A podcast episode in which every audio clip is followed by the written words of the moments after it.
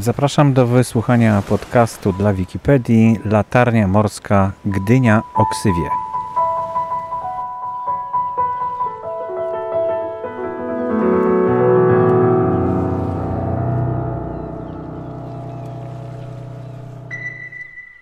Jesteśmy na Oksywiu.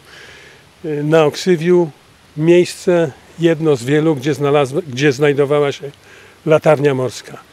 Tutaj wybudowano w roku 1877, a nie jak napisy mówią, głoszą o tym, że w roku 1887 latarnia morska Oksywie.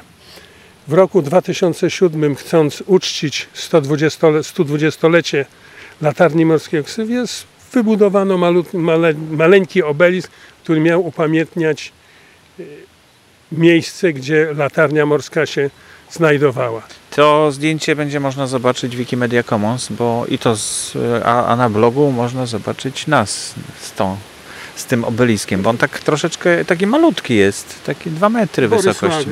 i Aboloniusza, którzy rozmawiają o latarni morskiej oksywskiej, mm, zna, znajdują się w jej sąsiedztwie. A przyjechaliśmy tutaj dlatego, że y, to jest latarnia, której już nie ma i jak gdyby y, dopiero w latach niedawno całkiem zadbano o to, żeby przypomnieć o niej, że była tutaj.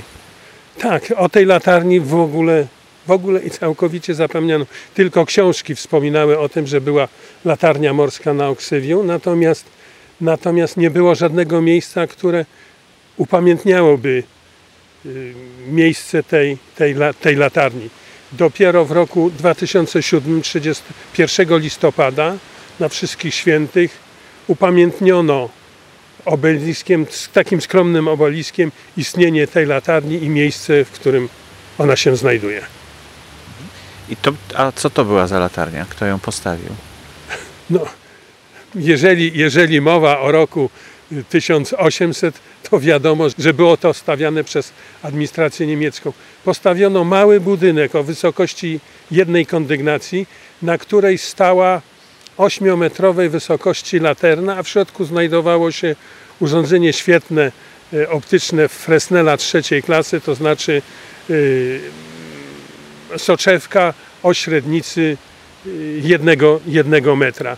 Urządzenia świetlne w środku dawały, widziały, była możliwość widzenia, zauważenia światła z odległości 15 km.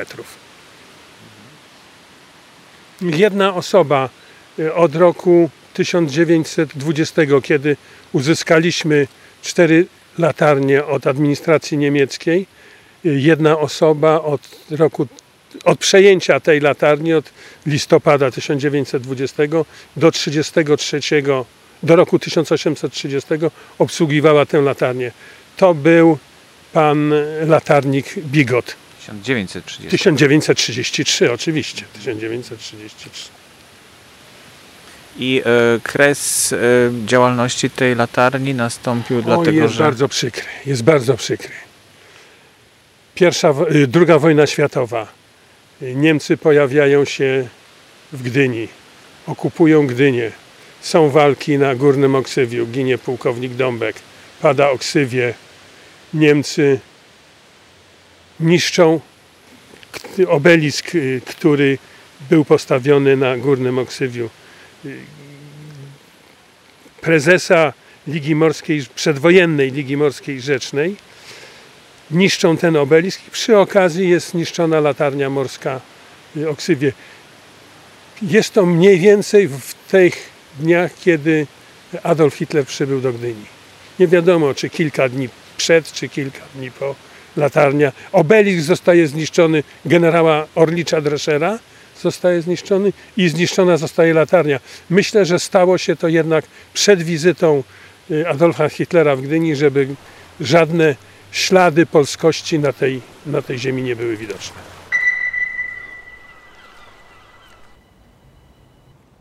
Podcasty dla Wikipedii to pomysł na wzbogacenie haseł Wikipedii o ilustracje dźwiękowe, słowne, i o audycje, o podcasty. E, każde hasło, które ma, e, które jest w Wikipedii, które jest w encyklopedii, może mieć ilustrację dźwiękową. Nie musi to być konkretny dźwięk dotyczący bardzo ściśle tego hasła, ale może to być osoba, która opowiada o tym haśle, dodaje jakieś, e, po prostu ilustruje nam hasło w Wikipedii.